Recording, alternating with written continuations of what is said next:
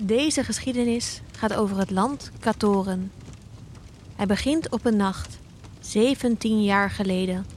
Voor twee mensen was die nacht heel in het bijzonder belangrijk. Voor de koning van Katoren en voor Stag.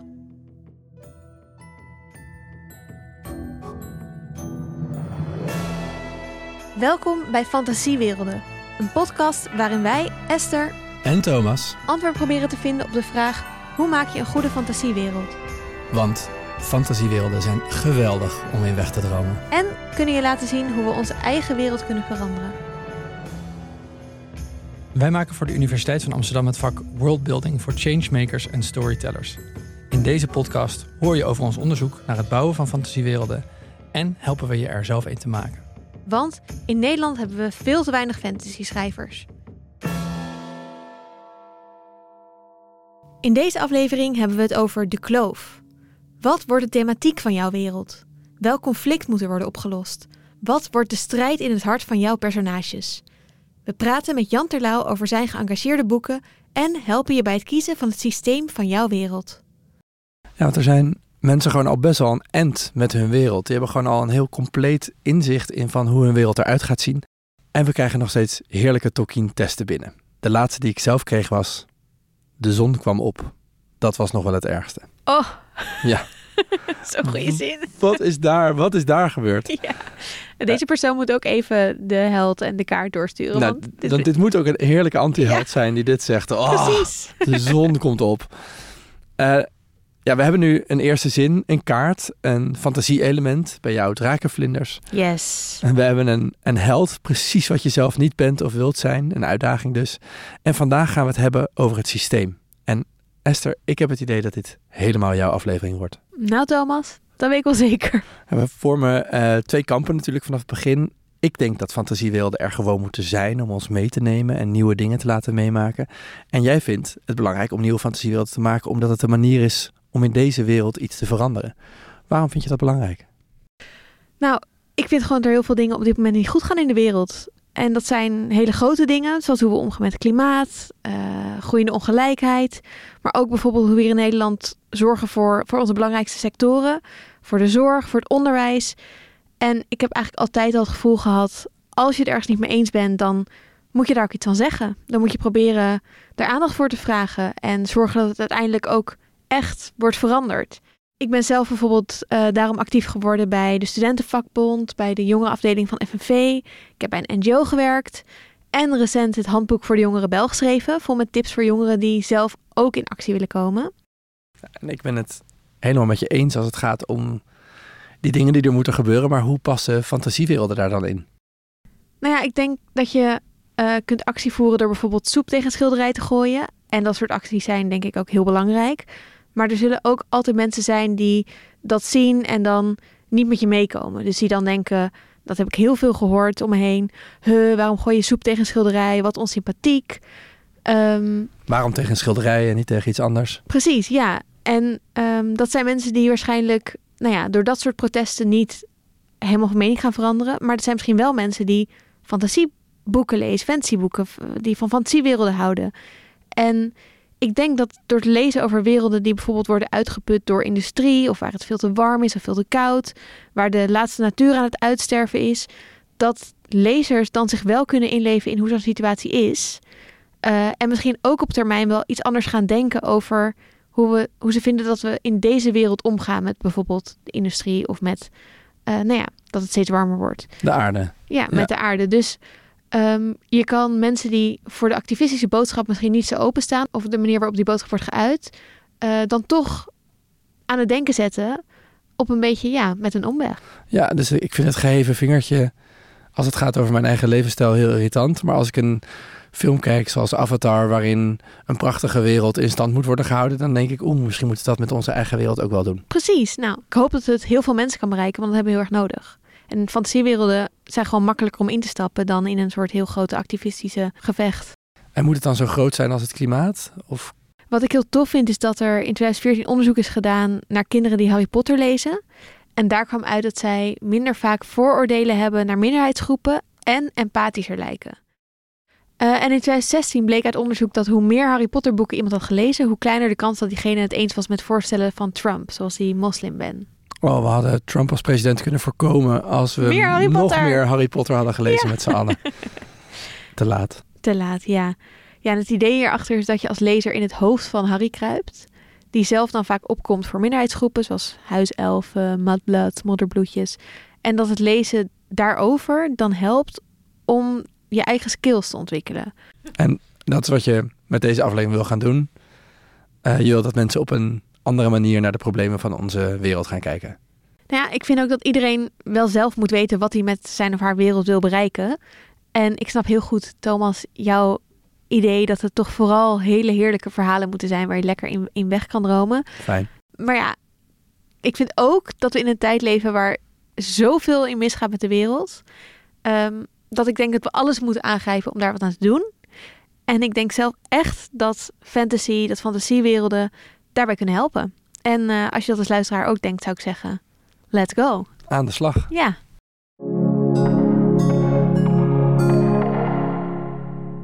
In Nederland hebben we niet zoveel fantasy schrijvers, dat zeiden we al. En degene die er wel zijn, legendes als Thea Beckman en Tonke Dracht, zijn kinderboekenschrijvers. Daar wilden we er wel graag eentje van spreken. En wie past er beter bij het thema van vandaag dan de kinderboekenschrijver die ook nog eens politicus is, Jan Terlouw. ja, die kon gewoon niet ontbreken. Ik heb echt, eh, denk bijna al zijn boeken gelezen, maar mijn favoriet is toch wel Koning van Katoren. Ik heb net een stukje uit voorgelezen. En ik heb dat laatst voor het interview herlezen. En heel veel van die opdrachten die Stag moet doen, die zou je ook vandaag aan dingen kunnen linken. De vogels van Decibel, afschuwelijk gekrijs op dezelfde toon, zouden nu Twitter kunnen zijn. Zo, dat is echt een best goede vergelijking eigenlijk. Met dat afschuwelijke gekrijs op dezelfde toon. ja, en dan ja. dat blauwe vogeltje. ja, precies. en daar dan heel veel van. De draak van Smoke met zijn zwaveldampen zou ook onze zuivelindustrie kunnen zijn. En onze kerken, er zitten schuifelende kerken in het boek. Onze kerken schuifelen ook Ja. nog steeds wel een beetje alle kanten op. Heerlijk boek met misschien wel een iets te perfecte held, Stag. Ja, maar dat was volgens mij wel de bedoeling van, eh, van meneer Terlouw. Maar goed, dat, dat horen we straks zelf van hem. Wij zijn dus afgereisd naar zijn eh, mooie huis om daar met hem te praten over Koning van Katoren en de combinatie van politicus en schrijver zijn. En wat hij vertelde over hoe hij schrijver is geworden, maakt eigenlijk al gewoon duidelijk hoe, hoe hij erin zit. Ik had kinderen die teenagers begonnen te worden. En ik ging in de politiek en verdiepte me in de problemen van de samenleving. En ik dacht, vroeger werden kinderboeken altijd of heel vaak geschreven in de geest van kinderen zijn stout. En als ze nou maar goed hun best doen, worden ze net zo goed als wij volwassenen. Ik denk het is omgekeerde is het geval. De volwassenen maken de, brengen de samenleving naar de knoppen. En de jeugd moet beseffen dat ze problemen tegenkomen. En dat ze dat moeten vermijden, dat ze die problemen moeten herkennen. En toen dacht ik, nou, iemand die koning wil worden en problemen moet oplossen, het Heracles-model. Dus laat ik een boek schrijven waarin zo iemand voorkomt. En de problemen ontleen ik wel aan de politiek. En ik zag, daar zal ik me over moeten buigen. En ik wil graag dat de jeugd die problemen ziet en erover nadenkt en weet of gaat beseffen, wij zijn op weg naar volwassenheid, naar staatsburgerschap. En we moeten die fouten niet of minder maken. Nou, over eh, Drive gesproken. Jan Terlouw had dus duidelijk een doel. En ik vind eigenlijk ook wel dat hij een beetje gelijk heeft. Eh, in plaats van kinderen te straffen, moeten we ze gewoon opleiden om de fouten die volwassenen hebben gemaakt niet te maken. Wel best wel grote pressure die we op onze kinderen leggen. Maar ja, uiteindelijk is het wel de wereld waar zij ook in gaan leven. Dat klopt. En misschien omdat die pressure voor alleen kinderen iets te groot is, mogen we volwassenen opleiden om met een iets opener kinderblik naar de wereld te kijken, die we heus nog wel kunnen veranderen. Ja, ja dat is ook wel een goed idee. Eh, het was wel eh, ook in de tijd dat eh, Jan Terlouw Koning van Katoren schreef, volgens mij 71, ehm, was het niet zo dat de Nederlandse boekenwereld erom stond te springen. De uitgever waar ik mijn eerste boeken zou uitgeven, die vonden het niks. Die zeiden veel te politiek en dat kan helemaal niet. En zei, de, hele uitgeverij vindt dit veel te... Die ministers en de politiek en zo. En ik, ik zei, nou zie je wel, ik kan dat helemaal niet, ik ben natuurkundige. Dus weg ermee. Maar mijn vrouw die zei, kom aan, zegt, het is het leukste wat je hebt geschreven, het mooiste. Andere uitgever. En die had ook zo aanvankelijk zijn bedenkingen. Maar zei, nou, het is toch wel apart, dus gaan we het toch maar uitgeven. En toen kreeg ik daar onmiddellijk de gouden griffel voor. Wonderbaarlijk kan het leven lopen, hè? Meteen een gouden griffel dus, maar hij had ook een verklaring waarom het boek zo succesvol was. Het was die andere benadering, jonge mensen. Denk eraan, de volwassenen maken de problemen. En jullie zijn op weg naar de volwassenheid. Herken ze. Ik kan niet altijd de oplossingen aandragen, maar wel het probleem laten zien. En dat heb ik ook in alle vervolgboeken bijna gedaan. Als ik een maatschappelijk probleem tegenkwam, dan schreef ik daar uiteindelijk met tegenzin een boek over. Nou, aanvankelijk, hè, dan zei je ik wil niet. En ik, eh, maar dan drong het zich toch op en dan deed ik het toch maar uiteindelijk. Over uh, hoe we met gehandicapten omgaan en hoe we met het recht omgaan en dat soort dingen. Ik heb het nog steeds hoor, dat als ik iets over wil brengen, dat, ik, dat er een verhaal bij me opkomt. Een futuristisch verhaal. Ik heb vorig jaar nog in de Volkskrant een verhaal voor de Volkskrant geschreven over een Amerikaanse president in 1928, een vrouw. En dan zijn er toevallig overal vrouwen aan de macht. En die vrouwen die gaan het klimaatprobleem oplossen. Op hun vrouwelijke manier. Dat vind ik dan leuk om daar een verhaal over te verzinnen. Kijk Thomas, Jan Terlouw deed het ook met tegenzin. maar hij vond het wel zijn plicht. Misschien moet jij ook gewoon over je tegenzin heen zetten. En uh, toch gewoon een uh, maatschappelijk doel gaan, uh, gaan kiezen. Ja, nou ik hou niet zo van plichten. Um, maar je ontkomt niet helemaal aan een, aan een maatschappelijk doel. Dus ik ga wel gewoon, ik zal met een open blik kijken wat ik tegenkom. Yes, oké. Okay, nou, dat is al, uh, vind ik al heel wat. Mooi. Voor Terlouw was het de verrassing van zijn leven dat hij van wetenschapper en politicus ook nog een romanschrijver werd. Um, misschien wordt het voor jou wel de verrassing van je leven dat je toch een heel activistisch boek straks ja, hebt geschreven. Ja, dat iedereen die het leest denkt, oh mijn god, dit is, ja, ja. ik weet precies wat hij wil. Ja, een, een roman bereikt veel meer mensen dan een wetenschappelijk essay. Dus ik was natuurkundig en ik schreef essays. Mm -hmm. maar, eh, maar ik vertelde ook verhalen met fantasie aan de kinderen. En het idee van ik bereik veel meer mensen door dat zo te proberen. Door mijn vrouw zeer gestimuleerd, anders had ik het nooit gedaan. Ja, dat werkte. Tot mijn grote verrassing. Het is de verrassing van mijn leven. Ik had nooit gedacht dat ik schrijver zou worden. Een wetenschapper. En later politicus, maar schrijver? Kom nou.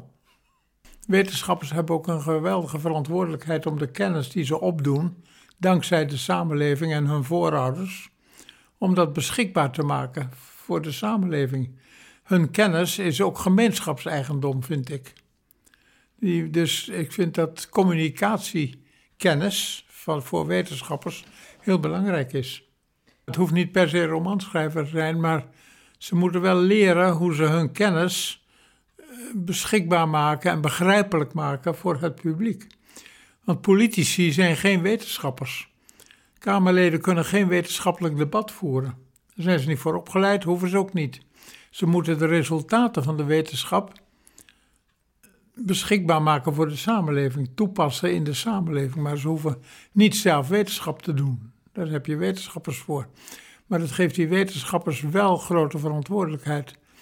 Dat wil zeggen dat ze moeten beseffen, ze zijn niet alleen wetenschapper, maar ook staatsburger. Met een verantwoordelijkheid van dien. Er moet wel veel hè, van meneer Terlouw. Uh, met dit en dat. En je moet dit en dat. Wetenschappers hebben een plicht om hun kennis te delen. We zijn allemaal staatsburgers. Vind jij dat allemaal ook? Ja, ik vind het best wel mooi gezegd eigenlijk. Dat we ik vind wel dat we allemaal iets meer kunnen beseffen dat we met elkaar de samenleving maken en dat daar ook ja, wel dingen bij horen. En dat we dat allemaal misschien iets te weinig doen of beseffen allemaal. Maar goed, het verbaast jou vast niks dat ik het daarmee eens ben. En jullie zijn, we waren echt een heerlijk team het hele ja. gesprek lang. Ja. Ik zat daar een beetje als een... Ja. ja, ik zat er ook. Dat je is zat, belangrijk om te zeggen. Nee, ik was ja. er ook. um, wel fantastisch als mensen iets terug kunnen doen door fantasieverhalen te schrijven. Dat vind ik wel heel mooi. Hij is niet alleen een grote meneer geweest, maar hij heeft ook gewoon verhalen aan ons doorgegeven.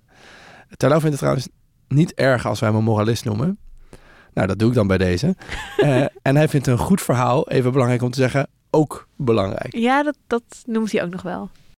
Mensen hebben heel vaak tegen mij gezegd: Je bent een moralist. In het begin vond ik dat een beetje vervelend, maar op den duur ben ik gaan zeggen: Dank je wel voor het compliment. Want moeten we niet een moralist zijn? Gaat het niet om de keuze tussen goed en kwaad? En goed, ja, ik heb dat in mijn boeken nogal zwaar aangezet, dat moet ik toegeven. Maar ik heb er geen spijt van. Je kunt, het is toch niet zo erg als je iets leert van een boek. Als je ergens over leert nadenken. Nou goed, het moet ook nog een spannende roman zijn natuurlijk. Dat had ik heel erg toen ik Oorlogswinter ging schrijven. Toen mijn kinderen de leeftijd bereikten die ik had in de laatste Oorlogswinter. En zeiden, hoe was dat dan? Ik dacht, met een hele hoop kinderen in dezelfde situatie. Dan wil ik een zoveelste oorlogsboek schrijven. Maar ik wil absoluut niet dat als ik jonge mensen dat gelezen hebben, dat ze denken: ach, wat jammer dat ik dat niet heb meegemaakt. Wat was dat spannend? Wat was dat boeiend? Ik wil dat ze dan denken: oorlog is vreselijk en onrechtvaardig. En wat heerlijk dat ik in vrede leef. Dat is best lastig, want je wilt ook een spannend boek schrijven. Ja. En de oorlog was ook spannend. ik heb heel veel gekke dingen meegemaakt in de oorlog. Nou ja, dat heb ik mijn best gedaan om het zo te schrijven. Maar ook een taak als schrijver. Om de wereld te beschrijven, de werkelijkheid te beschrijven. Tenminste, zo voel ik dat wel. We hebben dus een taak om de wereld te beschrijven. Met een goed verhaal. En hij vertelt ons ook hoe hij zelf zo'n verhalenverteller werd. De basis bij mij is verhalen vertellen. Ik heb tien jaar lang onze vier kinderen iedere avond na het eten een verhaal verteld. Verworven recht.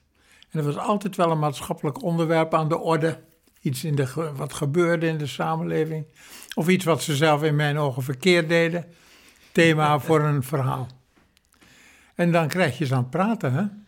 Zeg je: Oké, dit is na het verhaal. Wat vind jij daar nou van? En hoe zou jij dat, wat, wat jij nou deed, vind je dat dat klopt? En dan kom, krijg je ze aan het praten en aan het discussiëren. Ik heb ze nooit gestraft. Nooit anders dan met een verhaal. Ah, je kunt een kind, als een kind uh, iets gepikt heeft in een winkel, niet dat ze dat deden, maar geef maar even als voorbeeld. Dan kun je zeggen, foei, de diefstal mag niet. Een uur op de stoel voor straf. Maar je kunt ook een verhaal vertellen over een winkelmeisje dat in grote moeilijkheden komt omdat er iets gestolen is, wat onder haar verantwoordelijkheid valt. En die opgepakt wordt door de politie. En daar kun je een dramatisch verhaal van maken. En als je dat verteld hebt en je zegt, nou, wat denk je? Iets pikken uit de winkel, mag dat? Kom je tot een discussie. Hè? Heeft heel fijn gewerkt. Ik, ik denk dat het verhaal heel universeel is en van alle tijden. En heel erg belangrijk dat mensen elkaar altijd verhalen hebben verteld. Je ziet ook aan kinderen, als je een kind een verhaal gaat vertellen, dan ben je meteen heel dicht bij ze. Dan, ze, ze kijken in je ogen, ze leven mee. Je komt niet dichter bij elkaar haast dan door een verhaal te vertellen. Alleen voor jou, het verhaal. Dat zegt mijn oudste dochter ook nog wel eens. Een verhaal alleen voor ons. Had nooit iemand anders gehoord. Ja, het is heel intiem verhaal. Ja, ik vond dit heel leuk om te horen. Mijn vader deed dit ook. Zelf verzonnen verhalen met iets dat wij die dag dan zelf ook hadden meegemaakt. En we moesten de hoofdfiguur, Roze Marijntje, die moesten wij roepen met z'n drietjes. Um, en daar ging het verhaal dan over. Vaste rollen, uh, reuzen die er altijd in voortkwamen. En de akelige snertkabouter was de, was de, ja, de akelige snertkabouter. Die deed alles verkeerd, maar die was ook heel slim. Um, en mijn grote zus vertelde later dat hij altijd dezelfde personages gebruikte, dus jarenlang. En dat toen hij die verhalen aan haar vertelde, dat er ook buurtkinderen uh, kwamen aansluiten. Dus de kinderen van de buren kwamen daar ook gewoon in die kamer zitten om mee te luisteren. Wow. Ja, echt heel leuk. Dat is echt zo cool. Ik zou dat zelf ook heel graag willen doen voor mijn dochter. Maar ik weet niet of ik er goed genoeg uh, verhalenverteller, bedenker voor ben. Tot nu toe hou ik het bij voorleesboeken. Het is best wel moeilijk. Ja. Ik heb het laatst geprobeerd, maar het is best wel moeilijk om uit het niets Daarom. een verhaal te verzinnen. Maar dat linken aan, aan dingen die zij hebben meegemaakt is natuurlijk wel heel, een hele makkelijke manier. Of linken aan de namen. Ja. Dan gaat het al heel snel. Dus ik zit nu te denken, ik moet de hoofdpersoon gewoon dezelfde uh, namen geven. Ja, dat is, maar dan, dat het dan wel een, een vee is, of een elfje, of een... Ja, iemand die iets kan wat zij graag zouden willen. Ja, precies. Dat is leuker, denk ik. Ja. We hebben het vorige week over de held gehad. Uh, en of je van die held moet houden. Terlouw vindt van wel. Dat vind ik eigenlijk altijd het, eigenlijk het belangrijkste. Dat als ik een boek schrijf, Ik wil dat mijn lezers gaan houden van de hoofdpersoon. Dan wil je het lezen, dan wil je weten hoe het gaat. Dan weet je ook dat het goed afloopt. Mijn boeken lopen allemaal goed af. Ja, dat is, ik wil mijn lezer niet aandoen dat het niet goed afloopt. Ik vond dat zelf zo erg als iets, uh, iemand van wie ik was gaan houden en als het dan niet goed afliep. Ja. Ik vond het heel fijn dat hij dit zei, want ik vond het heel herkenbaar. Ik vind het ook echt zo verschrikkelijk als ik een boek heb gelezen of een film heb gezien. Het loopt niet goed af. En dan kan ik gewoon, daar kan ik nog weken over nadenken. Je wil dat de juiste mensen de juiste dingen krijgen Ja. uiteindelijk aan Ja. het einde. Ja, waarschijnlijk iets te hebben dat heet de Just World Bias. We hebben dus een vooroordeel dat uiteindelijk de goede mensen het goede overkomt en de slechte mensen het slechte. Het slaat helemaal nergens Nee. op, want in het dagelijks leven is eerder het omgekeerde het geval. Maar we willen in onze films dat toch heel graag terugzien. Ja, ja. Ja, dus ik denk dat ik zat meteen te denken in mijn fantasiewereld en het verhaal wat daaromheen komt, dat gaat wel goed aflopen. Nou, ik vind het altijd wel vet als iemand het durft. Een slecht einde, maar ik baal er ook altijd van. Ja, maar goed, we hebben het daar ook al eerder over gehad. Eh, al die gebeurtenissen in Game of Thrones zijn wel, ik bedoel, het maakt het wel zo fantastisch, juist omdat er de hele verschrikkelijke dingen gebeuren. Ja, we onthouden het wel. Absoluut. Al had ik het nog beter onthouden als de Ice King gewoon had gewonnen. Uiteindelijk. Ja, Moet je je voorstellen hoe we dan hadden zitten kijken naar die series. Wow, dat was wel gemiste kant. Maar het kan nog in de boeken. Ik hoop het. Ja. Wat ik ook heel leuk vond om, om te horen, is dat Jan Terlouw zich nog steeds verantwoordelijk voelt. Of een soort van verplicht om mensen meer te vertellen, in dit geval over klimaatverandering. En hij hield daar een mo- mooi pleidooi over. Het grote probleem is dat mensen niet weten hoe ernstig het is. Want als je kijkt waarom veranderen we nou niet, waarom de politiek heeft toch de taak om te zorgen dat we de energie, dat we duurzame energie gebruiken. De politiek heeft die taak en doet het niet. Waarom niet? Ik heb lang genoeg in die politiek gezeten om te weten dat als je de mensen niet meekrijgt, dan lukt het je gewoon niet. En waarom zouden de mensen nou niet willen? Het is voor hun eigen kinderen waar ze zoveel voor over hebben. Dan kan ik maar één ding constateren, omdat ze niet weten. Als ze echt diep in hun hart zouden weten wat het betekent voor hun kind, dan zouden ze zeggen: politiek, alsjeblieft, doe het. Ik heb er alles voor over. En dus hebben we allemaal een taak om het mensen te laten weten. En zeker ik, met een drievoudige invalshoek. Als natuurkundige, als politicus en als romanschrijver.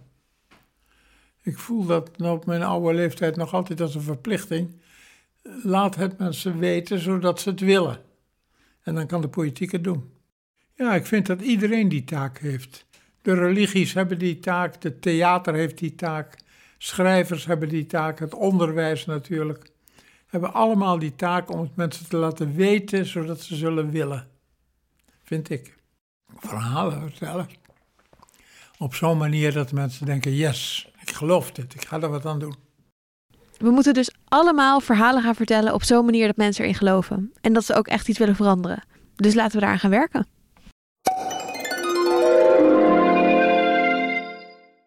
Oké, allereerst even voor iedereen die zich in Team Thomas bevindt. Je hoeft natuurlijk geen doel te hebben met jouw wereld. Uh, maar de meeste werelden hebben wel een systeem of een conflict. Iets waar de personages in de wereld mee te maken krijgen. Denk maar aan wat uh, Manju vorige week zei.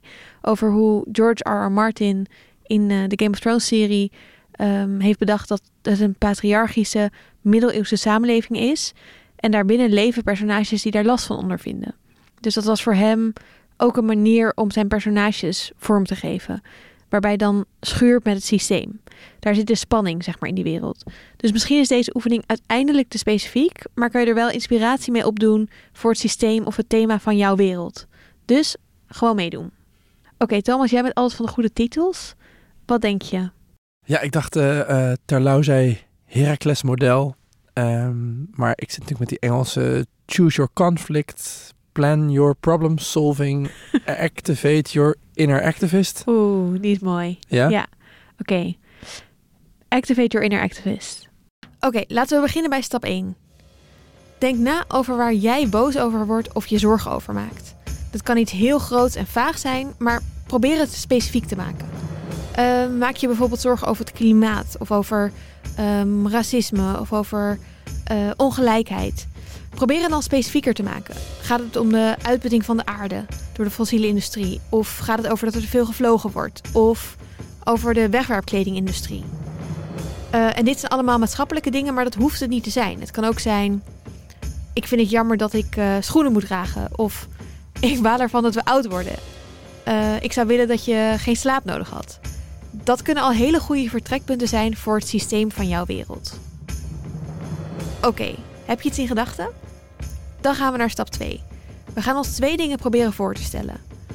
Allereerst, hoe zou de wereld eruit zien als jouw probleem niet zou bestaan? Dus even voorbeeld. Je baalt van de wegwerpkledingindustrie.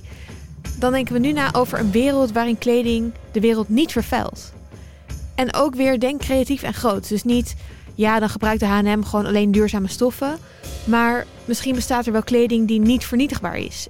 Uh, of misschien zijn er elfjes die kleding kunnen omtoveren tot nieuw. Of misschien dragen de bewoners van jouw wereld wel helemaal geen kleding?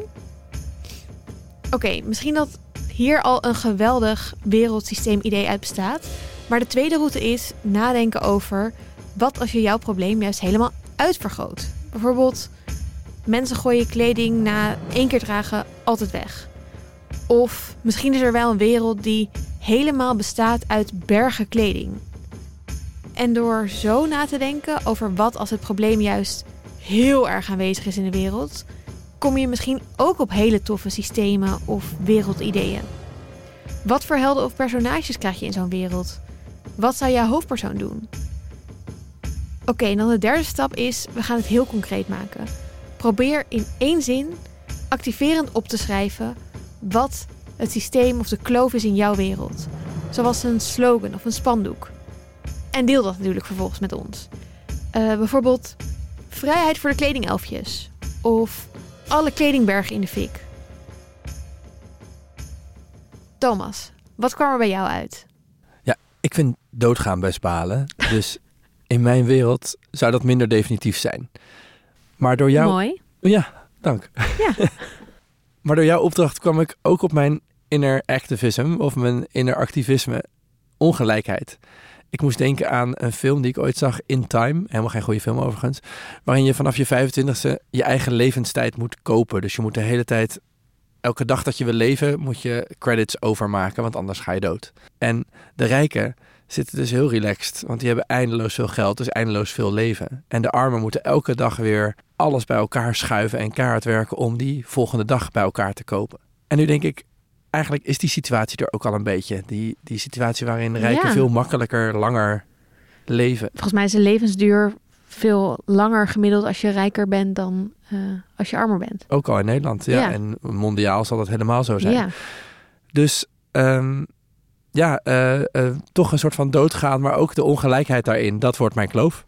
Amazing. Ik ben heel blij dat jij ook geïnspireerd bent om toch iets... Ik ben toch geïnspireerd geraakt. Yes. Ja.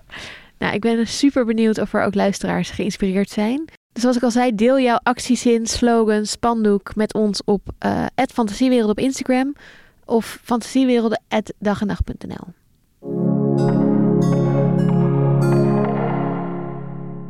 Oké, wat hebben we geleerd? Fantasiewerelden kunnen op een hele ongemerkte manier mensen ergens over na laten denken. En ook als je niet gelooft dat je met fantasiewerelden een doel moet bereiken, heb je altijd te maken met een thema of een conflict. Mensen die Harry Potter lezen zijn empathischer.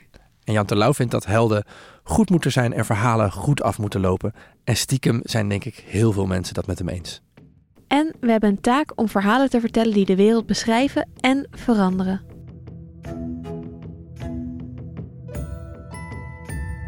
Volgende week is alweer de laatste aflevering van deze reeks en dan gaan we het heel toepasselijk hebben over de bestemming.